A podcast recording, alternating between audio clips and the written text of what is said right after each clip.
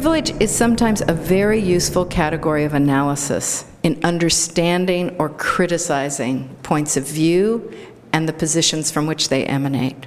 But I think it rarely leads to a useful framework or strategy of political transformation.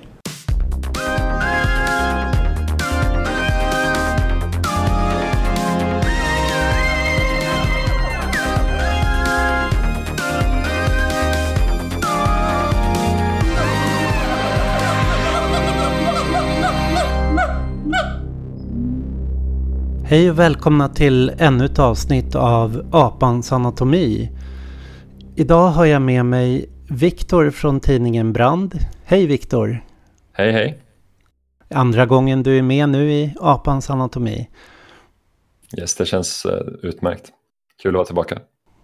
För några år sedan så gjorde vi ett nummer av Brand om uh, Tid för monster som handlade om uh, Gramsci och hegemoniskifte. Och jag hade med en text där som eh, handlade om resentimentsvänstern. Och vi pratade båda om att det vore bra läge att eh, göra ett avsnitt om resentiment. Om det begreppet. Ja, precis. Det är ju ett eh, begrepp som ändå har florerat hyfsat länge inom vänsterteori, så politisk teori. Det är ju ett begrepp från Nietzsche från början. Mm. Jag vet inte om det är från honom från allra första början, men i den här texten vi ska prata lite mer om nu strax så är det ju Nietzsches användning av begreppet som anförs, eller man ska säga. Och det här är ett begrepp som eh, Nietzsche lyfter fram i två skrifter. Den ena heter Bortom gott och ont, förspel till framtidens filosofi och det andra till moralens genealogi, en stridsskrift. Och moralens genealogi, det är ju bland annat den som var väldigt viktig för Foucault och kom att inspirera den traditionen. Men det är inte Foucault vi tänkte titta på nu utan Wendy Brown. Vem är det? Det är en bra fråga. Wendy Brown är en, en statsvetare kan man väl säga. Mm. Verksam vid Californias, alltså University of California i Berkeley. Hon har ju varit en av de ledande figurerna inom den radikala vänstern i den liksom akademiska sfären i USA i ja, men, över 30 år nu. Mm. Och hon är ju en person som också är ganska läst tror jag i Sverige också. Hon, det kom ut en antologi för några år sedan som från SYS och Atlas gav ut tillsammans om jag minns rätt va? Ja, som just heter det. Att vinna framtiden åter med en gäng essäer av henne. Och hon är också översatt till svenska ny, för några år sedan av Tankekraftsförlaget med sin bok Inhägnade stater avtagande suveränitet. Så hon är ju verkligen en av de som har betytt mycket för det feministiska tänkandet men också det antikapitalistiska tänkandet. Ja, hon har ju analyserat nyliberalismen mycket och vad som skedde med vänstern och feminismen under nyliberalismen. Framförallt det här hur det man motsätter sig påverkar ens egna projekt. Så här, hur mycket formas vi av vår motståndare och kommer också inramas över vår motståndare. Och det är ju lite också det som eh, hennes Att vinna framtiden åter bygger väldigt mycket på. Hon har ju utvecklat liksom sin diskussion kring just det här sentimentsbegreppet. Eh, kanske främst, eller först i alla fall, i en artikel som hon skrev 1900, eller publicerade i alla fall 1993 som heter Wounded Attachments och som väl har blivit lite av en klassiker som jag tyckte det var väldigt intressant att återvända till idag. Det är ju en text som inleds med att eh, Wendy Brown raljerar lite över hur less hon är på den här jävla idpol-diskussionen. Den är så uttjatad, den leder ingenstans. Amerikanska identitetspolitiken och det, ja. det går ju inte att gå in i en enda diskussion just nu inom i Sverige Nej. utan att ordet identitetspolitik kommer att hagla fram och tillbaka. Så att... Nej, precis. Om man skulle berätta det för henne för 27 år sedan att, att om du tycker det här är illa, vänta bara. Eh, så jag vet inte, hon lever ju fortfarande så hon är väl förmodligen minst lika less på det nu som hon var då. Men det är ju lite kul att liksom redan då så kan hon summera den diskussionen om identitetspolitik och hur den hamnar i någon slags för och emot identitetspolitik inom vänstern då i USA på den tiden. Och det är ju så väldigt mycket i, i den sammanfattningen som man bara rakt av kan översätta till hur det ser ut idag. Mm. Och det, det som skiljer då Wendy Browns kritik av identitetspolitiken kanske man måste vara tydlig på på, från första början. Det är ju att hon skriver en kritik inifrån. Hon är ju feminist, hon är vänster, hon är nära queer-rörelsen. Hon är ju till och med tillsammans med Judith Butler så att eh, de har ju bollat mycket teori och liksom föreläst mycket ihop. Så eh, hon tar ju mycket exempel och diskuterar det här inifrån för att hon vill att den här rörelsen ska gå vidare, inte för att hitta en slägga eller slagträ som använda emot den. Mm. Nej, exakt. Det är ju liksom just den här diskussionen om identitetspolitik i någon slags mainstream som hon reagerar mot, inte liksom antirasistiska rörelser eller feministiska rörelser. Som precis som du säger så handlar ju hela hennes projekt om att försöka att hitta en väg ut ur den här låsningen som den här konflikten då mellan liksom å ena sidan krav på erkännande kan man säga, något förenklat, nu föregår vi liksom lite vad det är hon säger om det här egentligen. Mm. Å ena sidan det, alltså där man ställer krav på den rådande ordningen att inkludera en själv eller den egna identiteten lite mer. Å ena sidan då, och å andra sidan en liksom klasskampen först vänster som menar att alla sådana anspråk på erkännande de splittrar bara arbetarklassen och kommer att undergräva vänsterns position. Alla känner igen argumenten, alla har hört dem till leda ja. tusen gånger. Det är precis samma diskussion den vänstern i både Europa men framförallt kanske Nordamerika verkligen befinner sig i just nu också. Eh, efter å ena sidan då eh, Bernie Sanders nederlag och å andra sidan upproren de, kring Black Lives Matter och eftermorden på George Floyd. Så mm. vi befinner oss ju fortfarande i samma låsning som Wendy Brown identifierade för 23 år sedan. Och det är det som jag tycker är så intressant med Wendy Brown. För att det handlar inte bara om en kritik av identitetspolitik inifrån.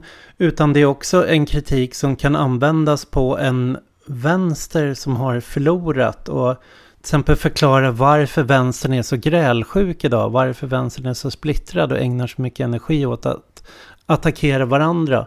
Men på samma sätt också förstå problemen inom eh, liberalismen, inom nyliberalismen, varför den också skapar konflikter. Och för tittar man politiskt idag så kan man ju säga att det är ju ingen politisk kraft egentligen som riktigt har initiativet. Vi kan se att nationalkonservativa kanske har vunnit makten i en rad länder, men de har ju samtidigt väldigt svårt att bedriva politik. Och i Sverige så har vi ju vi kan inte få ett renodlat högerblock som kan få majoritet. Vi kan inte få ett renodlat vänsterblock som kan få majoritet. Vi kan inte få ett nationalkonservativt block som får majoritet. Och vi kan inte få ett centristiskt block med Centerpartiet och sossarna som kan få majoritet. Så det innebär att allas politik just nu är blockerade och alla är så oerhört frustrerade vilket färgar hela den politiska debatten idag. Ja, verkligen. Och samtidigt som vi på något sätt befinner oss i en tid som gör anspråk på att saker ska vara möjliga och saker ska vara genomförbara men inom ramarna liksom, för en rådande ordning. Så att både de som försvarar den på något sätt och de som utmanar den är liksom lite fast i en logik kan man säga där du varken kan riktigt på allvar utmana systemet. Det kan inte de nationalkonservativa göra heller utan de gör ju anspråk på att ta makten i det. Det är ju parlamentariska initiativ väldigt mycket inom den rådande ordningen som är liksom det sättet de organiserar sig idag. Alltså nazirörelsen så som vi kände den för kanske 15-20 år sedan. Den är ju helt irrelevant idag mer eller mindre. Utan mm. det är ju mm. liksom ett sätt att liksom ta sig in i det rådande systemet som har gjort att man har blivit så framgångsrika då, liksom från höga håll. Å andra sidan är det precis det som också begränsar dem nu för att det är liksom bara om du verkar i systemet som du kan verka mot det på något sätt. Alltså det finns en, finns en sån logik.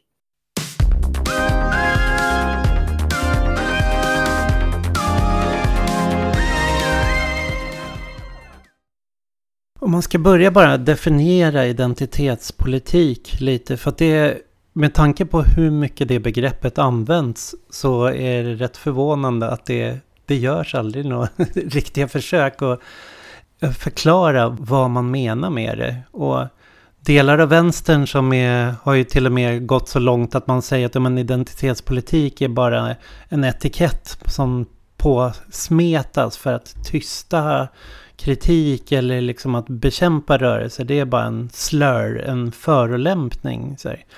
Men när det här begreppet börjar användas, till exempel Wendy Brown, hon använder det inte på något sätt som en förolämpning, utan det är snarare för att titta på om du tänker ett subjekt, oavsett om det är arbetarklassen eller kvinnor eller svarta, så är det tre delar som man fokuserar på identitetspolitiken. Det ena är då identiteten.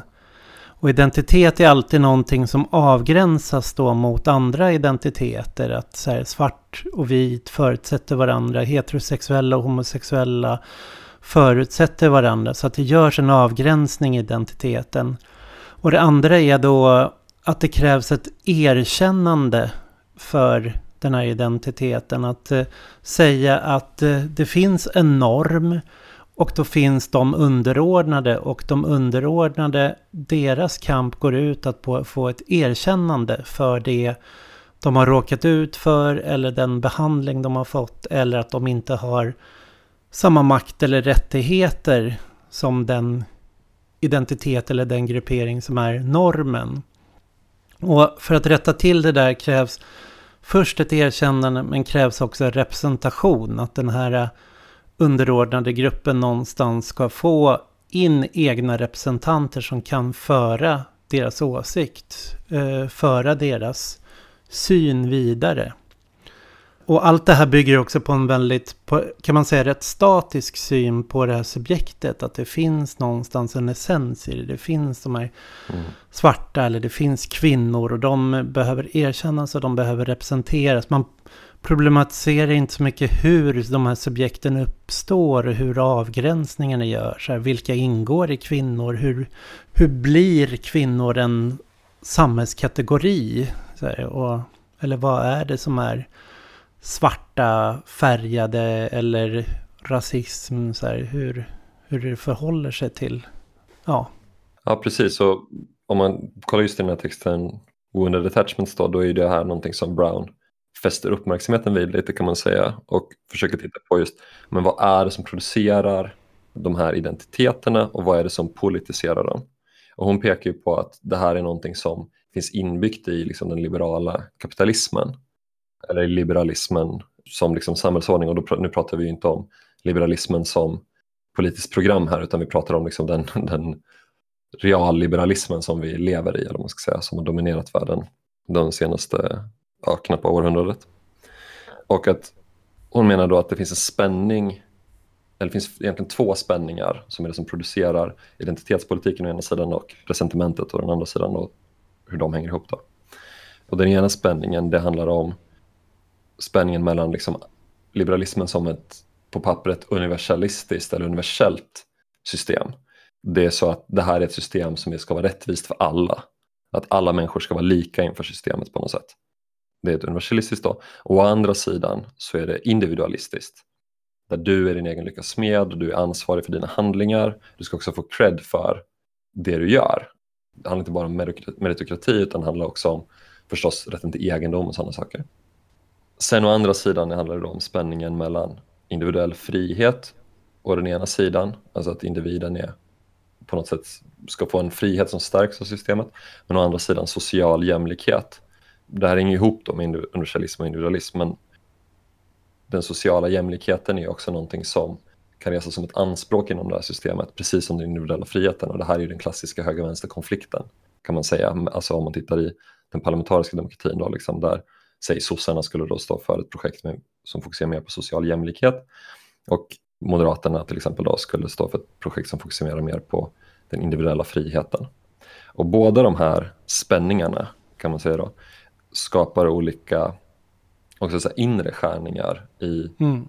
de subjekt som lever under, alltså de människor som lever i det här systemet när de antingen då liksom hamnar i klyftan kan man säga, liksom, eller i gapet mellan universalismen och individualismen eller i liksom gapet mellan den individuella friheten och den sociala jämlikheten.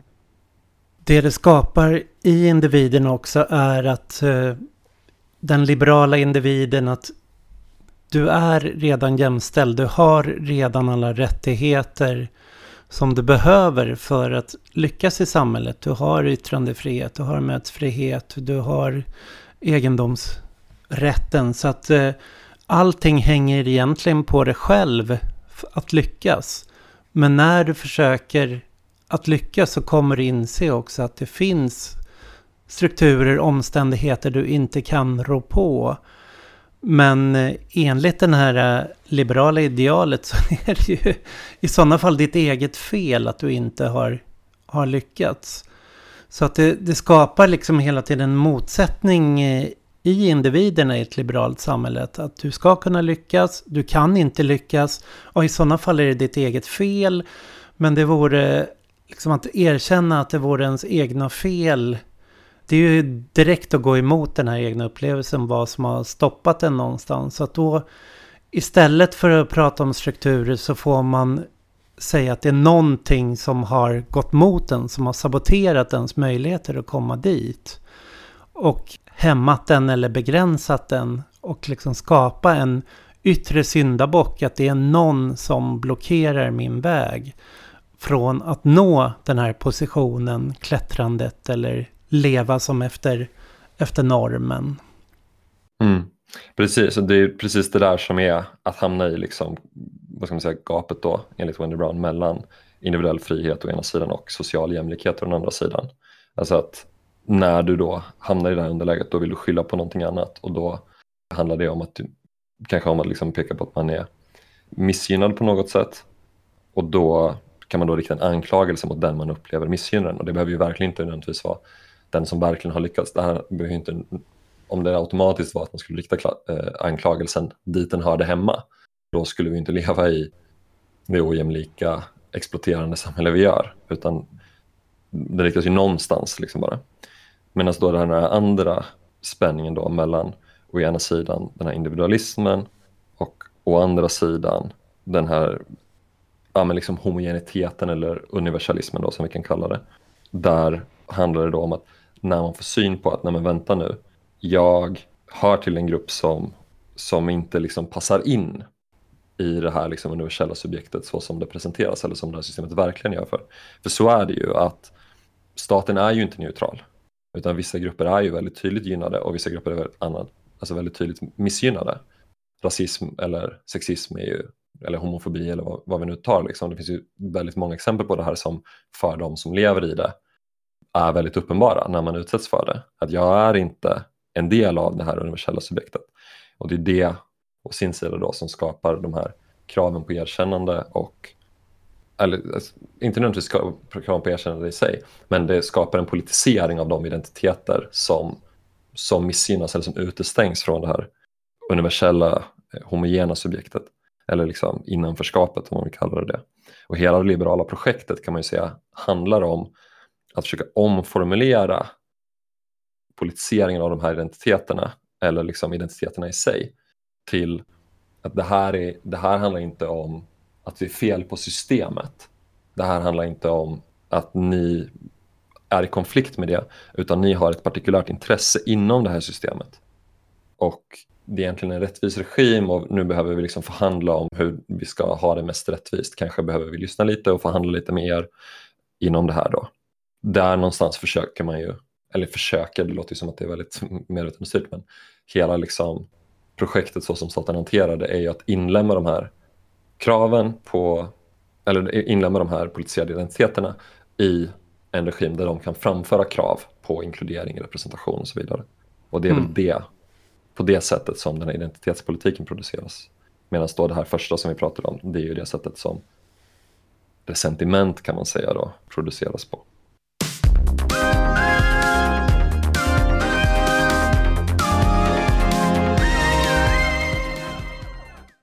Och då kanske vi ska förklara då vad resentiment är. För oss Nietzsche, det han gör i Till moralens genealogi, det är att han försöker se hur eh, moralen historiskt har konstruerat och uppkommit. Och inte bara som en moral utan olika former av moral.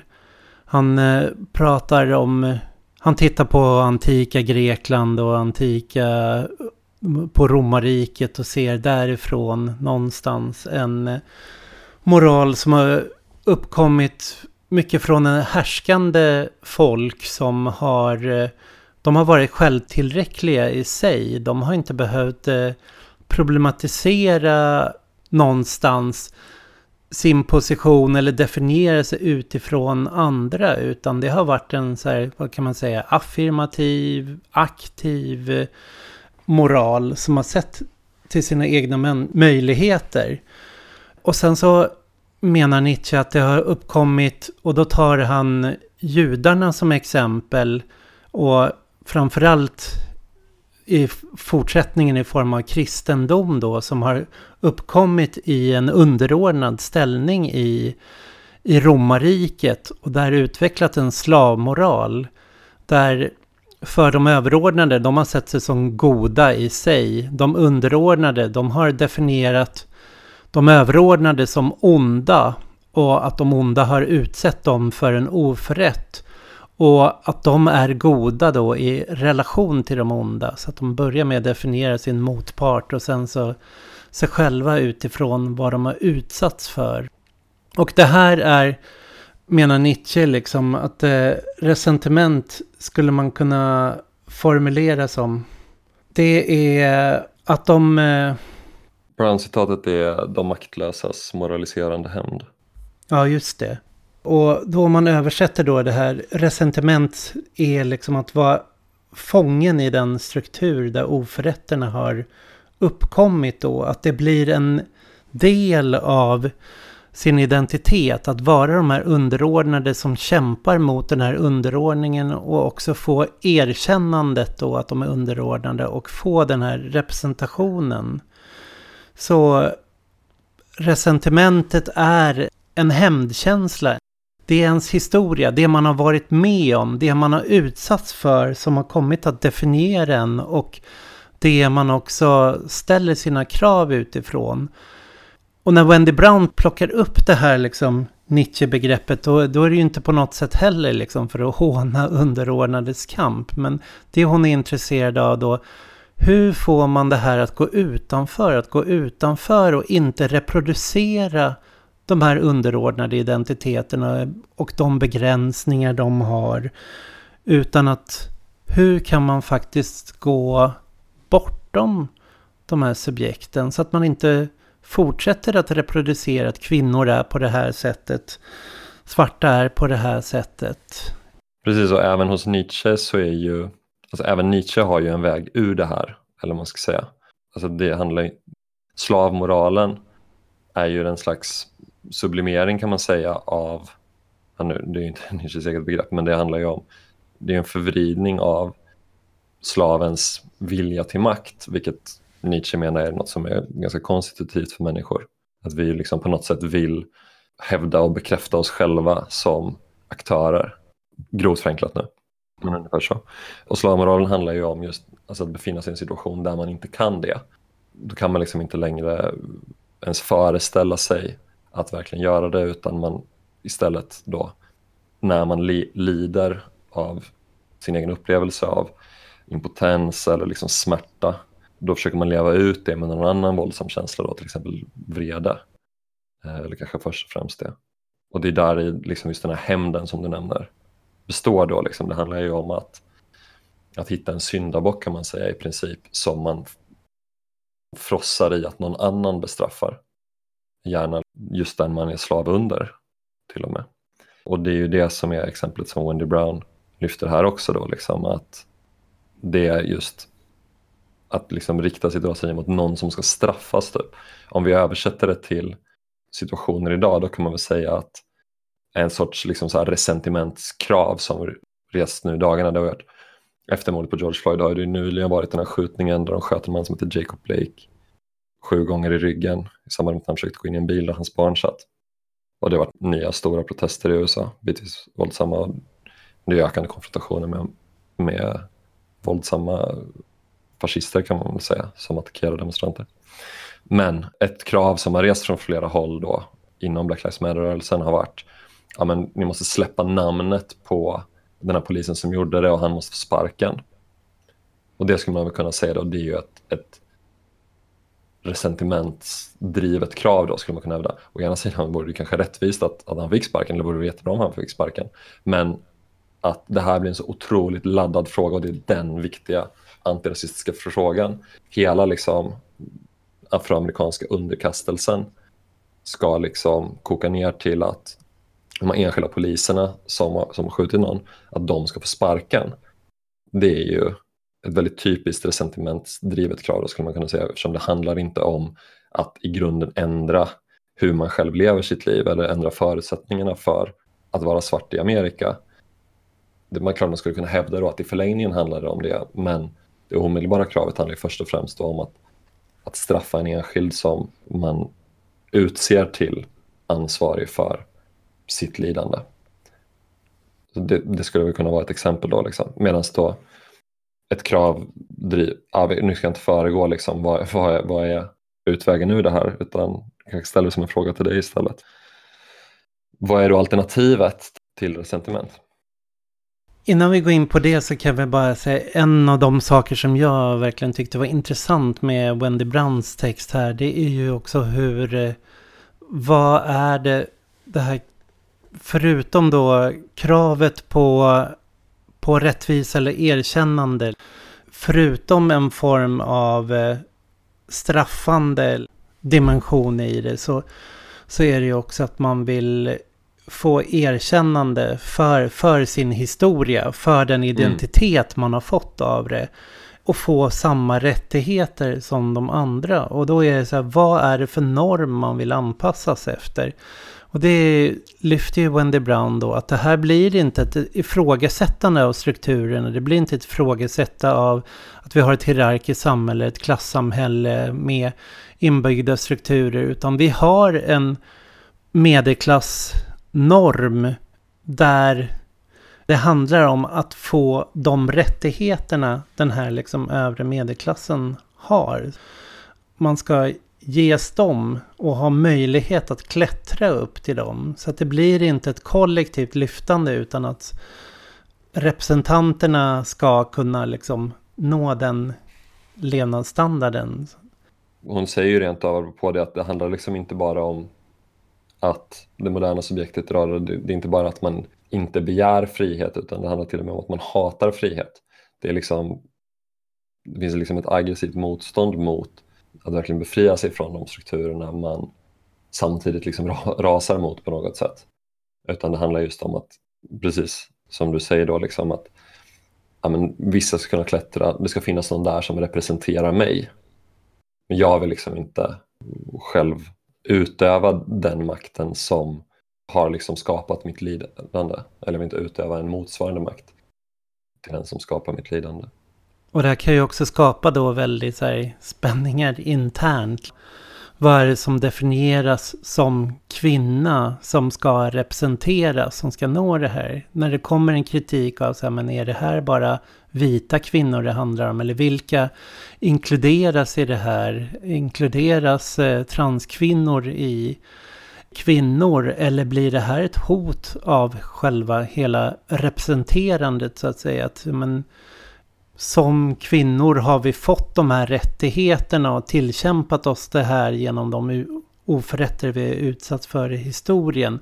Men kommer några att definiera om vad begreppet kvinna är och ska definiera om vilka som räknas i så riskerar det att liksom fälla de rättigheter man har fått. Eller samma med de rättigheter man har fått som homosexuella. Börjar man utveckla, utöka det här homosexuella till HBTQIA+++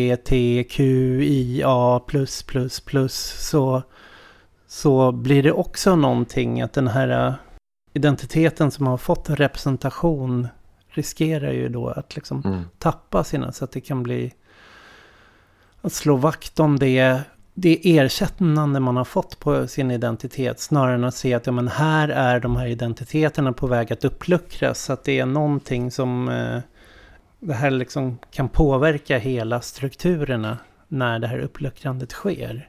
Precis, man kan nästan kalla det att Brown beskriver det som att det handlar liksom om en, spegelvändning av den ordningen man liksom reagerar mot. Att istället för att utmana just liksom könsmakten i grund och botten så ställer de här kraven på representation när de drivs av, av resentiment på det sättet. Det blir liksom en spegelvändning eftersom man faktiskt också blir delaktig i sin egen underkastelse. Istället för att bryta med de här logikerna så får vi in liksom en representant som kan delta på samma sätt. Och på något sätt gör det då att det blir inte bara den här makten som blir ondskefull när den utövar sin makt och på så sätt konstituerar det här goda subjektet som man identifierar sig själv med. Utan det är också motstånd mot den här makten som faktiskt blir någonting ondskefullt. Precis som du säger här, liksom när, mm när det kommer någon som ställer ett krav som går ytterligare längre och som faktiskt utmanar hela själva logiken. För det blir samma hot mot den egna då, moraliska överlägsenheten som man kan njuta av i brist på frihet. Eller snarare liksom istället för friheten, friheten man man hatar då liksom, enligt Brown när man är fast i den här liksom, resentimentsdrivna slavmoralen. Och det får också en annan effekt när, om det säger, när man diskuterar klass. Och klass då inte som identitet utan som eh, ekonomisk struktur, som omfördelning där ju mer eh, de här identitetspolitiska kraven drivs liksom kring att uppnå en eh, medelklassnorm. Ju mer synlig är det, klass blir synonymt med medelklass. Det blir det som allt orienteras kring medan arbetarklassen försvinner. Det blir omöjligt att ens prata om arbetarklassen. Så att vi har en rad olika former av synliggörande och erkännande. Men samtidigt har vi klass som blir en så dimension som inte går att prata om. Mm. Möjligtvis liksom på sin höjd som en form av socialt arv som kan begränsa en att klättra. Liksom. Att man kan prata om det på det sättet. Men inte, mm. inte klass som eh, en, den struktur av ekonomisk exploatering som samhället vilar på. Så det försvinner ut ur diskussionen. Precis, och det är ju inte någonting då som beror på att folk driver identitetspolitiska krav. Nej. Det är ju väl värt att, att särskilt poängtera här då. Så det här är ju liksom inte, det är inte så att klass försvinner på grund av identitetspolitiken utan det är snarare så att det som producerar identitetspolitiken, alltså logiken i nyliberalismen eller liksom i, i hela det liberala projektet även inom nyliberalismen, syftar till just att försvåra en artikulering av kapitalismen, eller syftar till det, återigen, det, blir väldigt, det låter som att det är någon som sitter och har en plan här, men det, liksom hela funktionen är på något sätt att det går liksom inte att artikulera ett motstånd mot kapitalismen som det grundläggande problemet. Utan istället så hamnar man i det här att på olika sätt hamna i identiteter som politiseras på något sätt. Och det gäller ju även, skulle man kunna hävda, de liksom socialdemokratiska klassprojekten efter andra världskriget i hög grad. Eller även innan andra världskriget antar jag. Alltså att det handlar om att få ett erkännande som arbetarklass. Alltså arbetets värdighet, skälig lön och så vidare. Det är ju också en form av, alltså det är samma logik som, som råder där. Och få en arbetarrepresentation i de borgerliga parlamentet, att få ja. sina företrädare Exakt. där som ska sitta ner. Eller ta Saltsjöbadsmodellen, att få sitta arbete och kapital vid samma bord och förhandla och komma till en överenskommelse med där båda mm. sidor representeras i förhandlingen. Så. Precis, det är en sorts neutralisering av kraven som inlämnar dem i systemet och det här gör ju också att när kapitalismen då liksom förblir oartikulerad för de olika rörelser eller identiteter som, som politiseras, då mm. blir ju de här identiteterna liksom dubbla bärare. Man bär både den egna politiseringen som finns i liksom missgynnandet av de här identiteterna då, i den mån det finns. Men det blir också bärare på något sätt av lidandet under kapitalismen. Och det kan man ju verkligen se i hög grad i många av de här rörelserna. Om vi tittar på många av de identitetspolitiska rörelserna så märker man ju att det nästan alltid finns radikala element i dem som försöker artikulera kapitalismen och ligger på något sätt nära till hands för att så fort du går lite längre i analysen, vare sig det handlar om de feministiska rörelserna, hbtq-rörelserna, antirasistiska rörelserna, så så fort analysen går ytterligare något steg längre, då hamnar du i en antikapitalistisk kritik. Om och om igen, så har det ju sett ut. Mm. Hela 1900-talet så har det sett ut, även efter 1900-talet så ser det verkligen ut idag. Och det beror ju på att de här sakerna hänger ändå ihop. Det är liksom inte så att kapitalism, såklart kan man tänka mm. då, liksom, att kapitalismkritiken försvinner ju inte när en annan identitet politiseras, utan det här är ju snarare saker som hänger ihop. Och när du väl börjar artikulera det andra, om det går lite längre, då, artikulerar, då, då kopplas det till det första. Men ja. om det kan neutraliseras. Wendy Brown går väl till och med så långt att hon kallar för identitetspolitik för en form av klasshat. Men det är en klasshat som har förskjutits till ja. diskurser om orättvisor och erkännande representation istället. Mm. Det går ju se väldigt tydligt nu om vi tittar på George Floyd-upproret då exempelvis. Det riktar sig i första hand mot polisen, men så fort det går två dagar till eller bara några timmar till, då börjar man attackera banker och gallerior. Att de här sakerna på något sätt liksom ligger ju oundvikligen nära till varandra, mm. nära till varandra i de här politiska rörelserna eftersom de ligger väldigt nära varandra i verkligheten, i folks verkligt levda liv på något sätt. Då.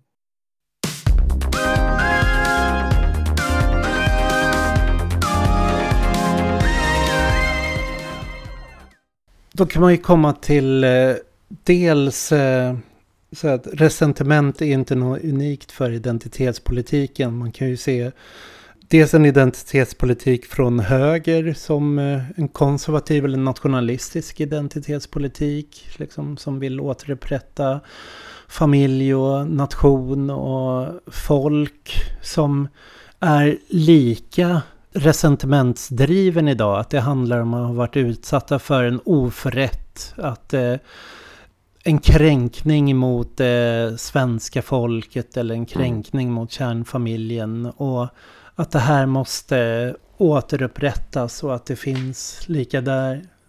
På mm. samma sätt där det här giftiga hämnddrivna sättet att eh, bedriva politik mot det som man anser har varit de här som har förstört samhället inifrån. Den mm. formen av syndabockar. Och där är det ju lättare att peka ut de här syndabockarna. Att det är liksom det är invandrare, det är vänstern, det är feminister, det är liksom homosexuella i den här världen. Det är eliter av mm. judiska Precis. globalister.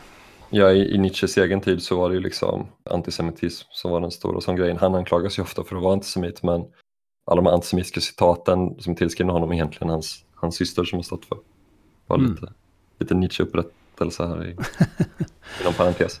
Nej, men, eh, jag tänker också att den här, det du beskriver nu, det finns ju en annan form av resentiment eh, kopplad till det här liksom med det, det du beskrev tidigare, hur alltså, misslyckandet, det egna misslyckandet i ett system som, som ska vara jämlikt då, det blir en anklagelse mot det. Men det finns ju en annan sida av det myntet mer som handlar mer om ett resentiment ovanifrån. Där också i gapet mellan liksom frihet och jämlikhet på något sätt som liberalismen utlovar så finns det ju den då som lyckas i det här systemet genom att sko sig på andra i slutändan och som får det mycket bättre än andra trots att den kanske inte egentligen förtjänar det skulle man kunna lätt, ganska lätt hävda. För vad är det egentligen som gör den så himla särskild? Ja men den har jobbat hårt och liksom på. Eh, det är ju den sortens argument man hör högerifrån, ja, men jobbat så hårt, varit smart, varit lyckad på olika sätt. Och då handlar det hela tiden om att särskilja sig själv nedåt, att man är för mer än någon annan. Det handlar om en sorts förakt kan man säga, ett, res ett resentimentsförakt eller ett föraktresentiment. Som ju egentligen då, om man, istället för att det är misslyckande som får sitt anklagelse skulle man kunna säga då att det är liksom en skuld som man möjligen känner då, eller skulle kunna känna att man själv har det mycket bättre än nästan alla andra. Det förvrids liksom till det här föraktet som ju kan vara väl så våldsamt har vi sett om och om, och om igen i historien. Och det är en allians vi ser liksom i det. Om man tittar i liksom högerdiskursen så ryms ju liksom å ena sidan det är invandrarna och feministerna som stjäl allting ifrån oss och, och berövar oss. Liksom. Det ryms ju sida vid sida med socialisterna vill stjäla allt du har försökt tjäna till dig. Mm. Och, alltså att man skulle bli berövad något man verkligen har förtjänat då, av någon som är mindre värd än en själv. Så det är en dubbel ressentimentshöger på något sätt vi ser nu för tiden. I min text i brand som jag skrev då om det här ressentimentsvänstern, då tar jag fasta på en annan tråd hos Wendy Brown. Hon säger att men det här behöver inte bara gå mot en identitetspolitisk riktning, liberal riktning eller nationalistisk högerriktning, utan det finns även den här, vad ska man säga, progressiva vänstern som har varit eh, en modernistisk vänster som har sett att vi går mot ständigt stigande framsteg. Vi, vi kommer steg för steg, liksom via reformer eller via realsocialismen att närma oss ett eh, klasslöst samhälle. Och nu har vi upplevt, liksom, vad är det, 70 år av liksom försvagning och bakslag för den här formen av, inte bara vänster, utan föreställning om, om att man går mot en ljusnare framtid. Och ju mer vänstern har tappat det där, liksom att den har på olika sätt eh, krossats eller bemötts eller vi har haft hela den nyliberala offensiven men även realsocialismens sammanbrott eller uppdagandet av stalinismens förbrytelser liksom på 56 som fick stora delar av vänstern liksom att eller en del av vänstern att bryta liksom med, med den formen av eh, Sovjetkommunism. Eh, så där finns ju också inom en vänstern en väldigt sån här... Eh, det man strävade efter finns inte kvar och den här framtiden någonstans har skingrats. Och istället för att se att det, det handlar om motattacker eller det handlar om att eh, projektet kanske inte höll hela vägen ut. Så på samma sätt där så formuleras en, en eh, syndabocksteori, en dolkstötsteori till varför det har gått det här. Att vänstern var bra, sen kom eh, arbetarklassen. Arbetarklassen var ständigt eh, organiserades, blev starkare, byggde masspartier. Sen kom 1968 eller sen kom feminismen eller sen kom postmodernismen eller sen kom mm. eh, identitetspolitiken, intersektionaliteten och förstörde det här och drev bort arbetarna från vänstern, alienerade dem från den och om vi inte rensar ut, jagar bort eller eh, gör upp med dem där så kommer vi aldrig kunna återupprätta. Och där blir det också en vänster som är fångad av sin historia och det den varit utsatt för, det den upplever som förluster och eh, förnedring och blir tillbakablickande. Att det, man har inte kvar det här liksom, projektet utan det är snarare så här det man vill återupprätta är liksom man vill tillbaks till den modernismtro som kanske var för 70 år sedan eller 100 år sedan. Så här, hur kan man återupprätta den? Hur kan man återvända innan? Vilket ju för det första väcker, det väcker många historiska frågor. Hur var det egentligen på den ja. tiden? Liksom? Alltså, skulle man väl titta på det så skulle exakt samma debatter förmodligen lyftas fram. Liksom. De fanns ju redan i den, den anarkistiska rörelsen i slutet av 1800-talet eller inom den ryska revolutionen eller vad man vill. Det väcker ju också en annan fråga om hur man ska då förstå det här med att det går så dåligt för vänstern på grund av att den nu är så feministisk eller antirasistisk eller, eller vad det nu är. Det är inte de orden man säger utan man säger att den är för postmodern eller för identitetspolitisk då kanske.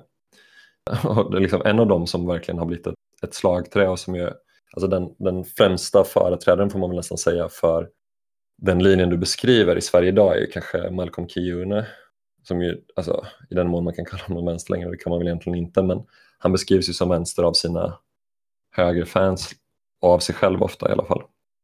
Och jag tänker att han står ju för den yttersta, eh, att dra det till sin spets, liksom, det du beskriver på något sätt. Jag tänker att den, den intellektuella som varit den viktigaste förebild för honom och som han plockar upp mycket av det här ifrån, även om han drar det mycket längre, det är ju Slavoj Zizek Mm. Och Zizek har ju själv liksom en resentimentsanalys. Om man backar lite. Zizek är ju inte egentligen, alltså han har ju läst Nietzsche, han är ju filosof sådär, men det han framförallt är varit väldigt intresserad av i alla år har ju varit lakaniansk psykoanalys som Mm. baserad hos Jacques Lacan som var en fransk psykoanalytiker på 60-talet för den, den som inte känner till Lacan. Eller han var inte bara verksam på 60-talet. Man tänker väl på honom för att han blev populär i Mm. den nya vänstern på 60-talet men han var egentligen verksam tidigare också. Men Zizek då, han, gör, han har en idé liksom utifrån, jag ska inte, vi behöver inte snöa i det, men man kan väl säga att han gör ju en bild av hur resentiment funkar som ju är liksom väldigt lik Nietzsches och Wendy Browns, mer eller mindre identisk med den, men grundad mer då i liksom Lacans psykoanalys. Han, som han lägger fram i en artikel i Journal of Psychoanalysis 1997, eller European Psychoanalysis tror jag det Jag minns inte, det är en artikel 97 i alla fall. Då har det mer med, med vissa saker med psykoanalys att göra, men det är liksom så han beskriver sentiment han kopplar ihop de här sakerna. Men han har ju själv då liksom på senare år istället då börjat göra en läsning som, alltså börjat intressera sig för rasism och, till exempel, eller liksom chauvinism i allmänhet och förstå liksom populariteten för det här med liksom vänsterns misslyckande med att, att erkänna verkliga problem kopplade till ja, invandring då exempelvis. Och han menar att så länge vi inte gör det så kommer vi aldrig kunna bryta med att liksom rasismen får sina framgångar eftersom rasismen kan spela på hur människan funkar psykologiskt. Och då har han ett begrepp hos, från Lacan som heter jouissance. Det är ett begrepp på franska. Jag tror det betyder, nej jag ska inte säga exakt vad jag tror det betyder. Det har väl något med engelskans joy att göra. Mm. Men jouissance för Lacan, eller enligt Lacan, det är då liksom den, den yttersta formen av mänsklig njutning. Och vi människor saknar förmåga att verkligen kunna relatera till eller liksom konceptualisera eller greppa den här formen av njutning. Det yttersta vi skulle kunna uppleva då, den här jouissancen, vi kan liksom inte tänka den, vi kan liksom inte ha den i, i vårt psyke. Och det gör oss då of, oförmögna också att, att stå ut med att någon annan skulle uppleva det. Och det finns ett annat begrepp då hos Lacan som, som heter brist. Och det har att göra, det här är ganska snårigt eh, och jag är inte den största lakanexperten men grovt förenklat kan man säga att vi alla människor enligt Lacan har liksom en grundläggande brist i vårt inre där, där, vi, där vi saknar flera olika saker, eller vi har flera olika brister. Det finns också en, en brist till själva, alltså att, att ha ett sammanhållet vara kan man säga, alltså att verkligen att fullt, en upplevelse av att fullt ut existera. Det saknar, vi- det saknar vi på något sätt. Och det, det, kopplat till den här bristen har vi då begär. Vi kan liksom inte ha en begär utan brist, utan begäret är liksom grundat i vår grundläggande brist. Det är därför vi begär saker. Så. Mm. Och eftersom vi då alltid begär någonting, eftersom vi alltid har en brist, då kan vi liksom inte heller stå ut med, eller inte, inte att vi inte kan stå ut med, men eftersom vi har en brist så har vi istället då liksom olika fantasier om att andra inte har brister som hör ihop med vårt begär. Jag vill ha det på något sätt och någon annan har det så. Och det här kan vi inte stå ut med då, liksom, för vi kan inte fullt ut relatera till, till den här yttersta njutningen som någon annan har. Någon som skulle vara liksom hel. Någon som skulle liksom vara hel i sig själv. Det här är kanske en lite virrig förklaring, men det här är ungefär sådär. Liksom. Ni, får, ni får läsa Lacan. Men det här då skapar en, en våldsam svartsjuka kan man säga. då. Mm. Och det är det som är grunden för till exempel sexism, rasism eller dylikt. Då. Alltså jag har de här privilegierna men ändå mår jag inte riktigt bra. Eller jag har ändå den här upplevelsen av brist, jag begär någonting annat och det måste Ja. bero på att någon annan får det då. Då sen om man tar ytterligare ett steg längre, då säger liksom Zizek att ja, men, på grund av att högern kan appellera till den här våldsamma svartsjukan som arbetarklassen eftersom den liksom då är Mm. ja, exploaterad och har det kast liksom i samtiden. Eftersom högern kan appellera till den här våldsamma svartsjukan grundad i liksom bristen och, och jouissansen, då kommer den alltid ha ett, ett försprång på något sätt. Och den kan då liksom nå fram till arbetarklassen i dess brist. Så. Och det här är ju liksom en ganska märklig hypotes kan jag tycka, för att precis som du beskrev innan, liksom, den här högern är också väldigt impotent Mm. den har liksom stora framsteg i, i väljar, siffror, men det är fortfarande långt från majoritet. Det är fortfarande så att alltså, saker är ju mycket mer splittrade än så. Det är inte så att de bara vinner allting hela tiden. Utan den här känslan att de vinner allting hela tiden, det är ju snarare då en, ur en vänsterposition att man själv upplever en brist i sådana fall då. Och så ser man hur någon annan är liksom hel. Den är liksom i ett med, med det subjekten tilltalar då, liksom den här ytterhögern som lurar arbetarna med att spela på deras svartsjuka. Det är ju i sig liksom verkligen att vara inne i samma psykologiska logik som man, som man menar då, liksom att, att de här arbetarna i högern är. Liksom, man ser det här, den politiska motståndaren, man ser att den är liksom hel med sig själv på något sätt. Så då måste vi vara som den, vi vill ha det den har. Så, så då, då ska vi vara rasister, eller då ska vi vara sexister. Så kanske man inte säger rasister eller sexister, men Malcolm kanske rent av skulle säga det vid det här laget, jag vet inte riktigt. Mm. Men en, jag tänker att det här är ganska intressant kopplat till det du säger där, liksom, om den här resentimentsvänstern. Mm. För jag tänker att vare sig man använder då liksom en lakanianskt ramverk eller om man använder det här liksom Browns modell så blir det ganska tydligt att det blir, när man backar till det och ser det på det sättet, man ser att ja, men det här är ju liksom sentimentsdrivet eller det här är ju liksom en svartsjuka liksom på högen på något sätt. Då inser man att ja, men det här är ju knappast vägen ut då, liksom, utan då är vi ju då är vi där i den här liksom slavmoralen och vi försöker på något sätt mm. eh, konstituera vår egen godhet i relation till den här liksom dåliga vänstern som vi ska attackera men vi kan inte egentligen bekämpa den, vi kan inte egentligen bekämpa högen heller för att hur vi än gör så är vi liksom fast precis som slaven som vill att liksom en annan slav ska straffas för att den gör uppror och njuter av det.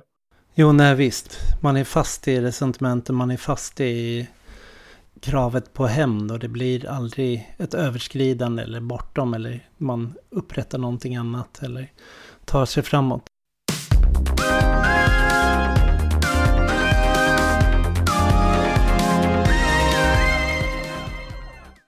Finns ett annat begrepp som eh, heter negativ solidaritet. Att Jason Reed, en eh, marxist, har skrivit om det. Och det är istället för att eh, som arbetare solidariskt ställa sig till varandras kamper eller varandras situation så ser man det lite som ett... Att om det inte går bra för mig, om jag får det dåligt så ska ingen annan ha det bättre. Så då ska alla dras ner till den nivå jag befinner mig på. Inte att vi ska kollektivt lyfta varandra utan att vi kollektivt håller nere varandra. Och det är samma sak där. Resentimentsdrivet på det sättet att man har varit utsatt för en oförrätt och därför så tycker man inte att några andra heller förtjänar att komma framåt.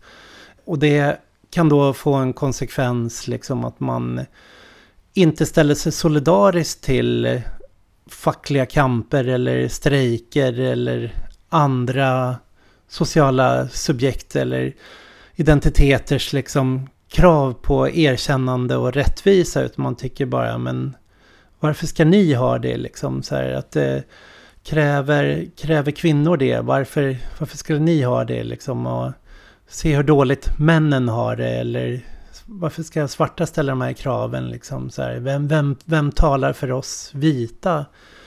Så att det blir eh, resentimentet fungerar på det sättet och där blir det också det är någonting kännetecknande för resentiment även hos Nietzsche då. Att det, det är reaktivt och det resulterar aldrig i en handling och liksom ett aktivt överskridande. Utan det blir Magnus Marstall som har skrivit så här om norska FRP, liksom Framstegspartiet, liksom har skrivit en bok som heter FRP-koden där han beskriver det här liksom hur den negativa solidariteten fungerar där. Att om man delar upp samhället i liksom närande och tärande eller de som är parasitära och de som gör rätt för sig så kommer det till slut att eh, man gör en vertikal form av solidaritet snarare än horisontell. Liksom, där man ser att eh, företagsledare de, de gör rätt för sig. Arbetare med jobb gör rätt för sig. Medan socialbidragstagare, knarkare, kulturpersonligheter, folk som jobbar inom byråkrati eller public service eller något sånt. De är parasitära på det här systemet. Och det, det är vi som får betala och upprätthålla dem. När det är egentligen de som driver det här samhället är industrialisterna och de med fast anställning. Liksom. Och han, han kopplar väldigt mycket norska extremhögerns framgångar till den förmågan liksom, att knyta an till ett sådant projekt. Och där så skär de sönder klassolidariteten och då delar, skär sönder arbetarklassen i den synen. Att man inte tar och försöker, som det fackliga löftet, att om vi inte lyfter de som är längst bak så kommer alla få det svårare. Att om vi lyfter de som är längst bak så kommer alla lyftas uppåt och vi får en säkrare botten. Vi kommer liksom inte, vi får ett skyddsnät att vila på som vi inte kan ramla under. Hela den modellen saboteras i den här negativa solidariteten hos, hos högern. Det är ju väldigt spännande liksom när man tänker på det så för att å ena sidan är det ju väldigt tydligt att på något sätt så lyckas de ju med någonting och på något sätt så är ju arbetarklassen tveklöst väldigt splittrad idag. Det kan man ju inte säga någonting annat. Samtidigt så tänker jag att frågan man kan ställa sig då det är ju hur skulle liksom någon slags enad klass ens se ut då? Liksom om, vi, om vi pratar lite om det vi har pratat om, på att säga. Nej, men hur skulle då en enad klass ens se ut? Skulle det gå via att försöka tysta ja, men liksom krav på erkännande och inkludering i vänstern? Eller skulle det snarare då gå via att försöka bredda eh, solidariteten så mycket och utöka dem? Mm. Alltså försöka hitta någon typ av, av positiv solidaritet och någon slags grund för det i att ge och ta liksom, på något sätt. Eller ge och ta men att om jag försöker formulera det, det jag vill säga nu lite tydligare. Om man tar det Jason Reed säger där att problemet är att vi kan inte se, det är svårt att se hur någon annans kamp gynnar en själv. Då tänker jag att uppgiften för den som på något sätt vill ena arbetarklassen och föra fram någon typ av klassrörelse måste ju bli då i sådana fall att försöka utöka solidariteten istället och försöka få den att kopplas mellan alla dessa saker på ett sätt som artikulerar de här olika politiserade identiteternas relation till kapitalismen. Det kan ju inte mm. vara att bara säga att er kamp den splittrar oss för den handlar inte bara om, om att artikulera kapitalismen utan den ställer svarta mot vita exempelvis. Utan det behöver istället vara någonting som säger att ja, men ni har rätt så här, men det, det ni kräver det är också kopplat till det här lidandet under kapitalismen. Så er politiska, alltså, det ni begär, det är liksom bärare, eller era krav är bärare både av det som är kopplat till er, politiska, er politiserade identitet, men det är också kopplat till lidandet under kapitalismen. Mm. Så ni kör på era krav, de är rimliga, men ni att kämpa tillsammans med oss för det här som angår oss alla. Ja. Alltså att istället för antingen eller så handlar det om ett och på något sätt. Precis. Och Wendy Brown hon har ju hennes förslag där, det ligger ju i själva titeln på boken också, att vinna framtiden åter. Att eh, det behövs en ny här, aktiv projekt för framtiden. Att föra oss att röra oss samman. Och hon menar att det här måste vara ett förskjutning i vårt sätt att tänka. Att från att prata om att jag har blivit utsatt för att jag som min identitet är den historia jag har. Det är de övergrepp jag har utsatts för. Att man pratar om det som det jaget. Så, så pratar man, förskjuter man perspektivet till jag vill det här för oss. Att vi mm. skulle kunna ta oss dit. Så att det blir ett, eh, ett framåtblickande, ett framåtskridande i det. Så projektet för för Wendy Brown, om man ska koppla det till ett, till ett klassprojekt, det är ju att förklara varför alla har ett intresse gemensamt av, av vissa krav eller vissa framåtriktande kamper. Varför skulle alla ha ett intresse av stärkande av välfärden eller eh, utökandet av vissa friheter eller eh, Medicare for all eller eh, man kan ta som en så här, bara gratis kollektivtrafik. Så här. Det spelar ingen roll om du är papperslös eller om du åker tunnelbana en gång i veckan eller om du är en eh, ensamstående mamma med fyra barn och behöver du och dina barn behöver åka liksom flera gånger varje dag. Det är ett krav som, som alla kommer att lyftas av, alla kommer att hjälpas av, alla har ett intresse. Alla tar intresse i att bryta segregation, att stärka allmännyttan, fler hyresrätter. Så där har man sådana krav som lyfter alla delar, oavsett identitet. Och där överskriver identitet, det blir ett nytt vi i att ställa dem. Ja, verkligen. Och sen så handlar det väl också, tänker jag, om att på något sätt försöka bryta upp det här vi och domandet som ju kommer mycket ovanifrån som du säger. Alltså att på något sätt så kan man ju verkligen ifrågasätta den här bilden av å ena sidan då liksom den vita cis heteroklassen. Det är tveksamt om den någonsin har funnits för det första men idag finns den ju verkligen inte. Jag tänker att de allra, allra, allra flesta har ju massa olika relationer av massa olika slag. Alltså de människorna som man på något sätt försöker splittras ifrån det är ju våra vänner eller våra bonussyskon eller våra älskare eller våra kollegor eller våra barn eller våra föräldrar. Och jag tänker att det är också den saken som är det andra väget ut ur det här liksom resentimentsdrivna syndabockandet tänker jag. Och jag tänker att man kan använda det inom vänstern också. Och jag tycker man ser mer och mer sånt på sistone på något sätt och det, det tänker jag är väldigt positivt men att vänsterns enighet handlar ju inte om att alla ska in i samma parti i mm. slutändan, mm. även om det finns ett litet trotteparti i Storbritannien som heter Left Unity såklart. mm. Men alltså vänsterns enighet handlar ju om att försöka att se vad är det vi har gemensamt i våra kamper och försöka samarbeta kring dem. Det mm. handlar ju om att kunna ställa sig med solidarisk även med den som kanske inte helt delar ens syn på en eller annan teoretisk fråga eller någon helt annan fråga än det som kampen gäller. Utan det handlar om att försöka hitta en möjlighet att ställa sig solidarisk, försöka hitta hela tiden hur, var kan vi kämpa tillsammans. På det sättet kan vi kanske övervinna uppdelningen också inom vänstern. Alltså är jag anarkist eller är jag kommunist eller är jag socialist eller vad är jag? Och istället försöka titta på så här, men vad är det vi vill kämpa för tillsammans och vad, vilka kamper är det jag vill vara en del av? Det är väl den mm. frågan vi kanske först och främst behöver ställa oss. Ja, Wendy Brown genom Nietzsche lyfter ju med det här med glömska. Att det är, och det är centralt hos Nietzsche för att överkomma det här med resentiment. Eller att gå från reaktiv till aktiv. Att, eh, att man måste kunna släppa sin historia. Man måste kunna glömma sin skada. Alltså inte glömma är att man kan aldrig ha ha det ogjort så att säga. Men jag vet till exempel kvinnojourerna brukar ta upp så att men vi kan inte få göra det du har varit med om ogjort. Men vi kan ge dig redskap att förstå vad du har varit med om och att du kan kämpa för att andra inte ska hamna i samma situation. Så man kan inte erbjuda ett utraderande av historien, men man kan erbjuda en framtid så att eh, historien kanske, den försvinner inte, men den kommer inte att definiera dig och den kommer inte heller att ja, det är en form av, mm. av glömska som gör att du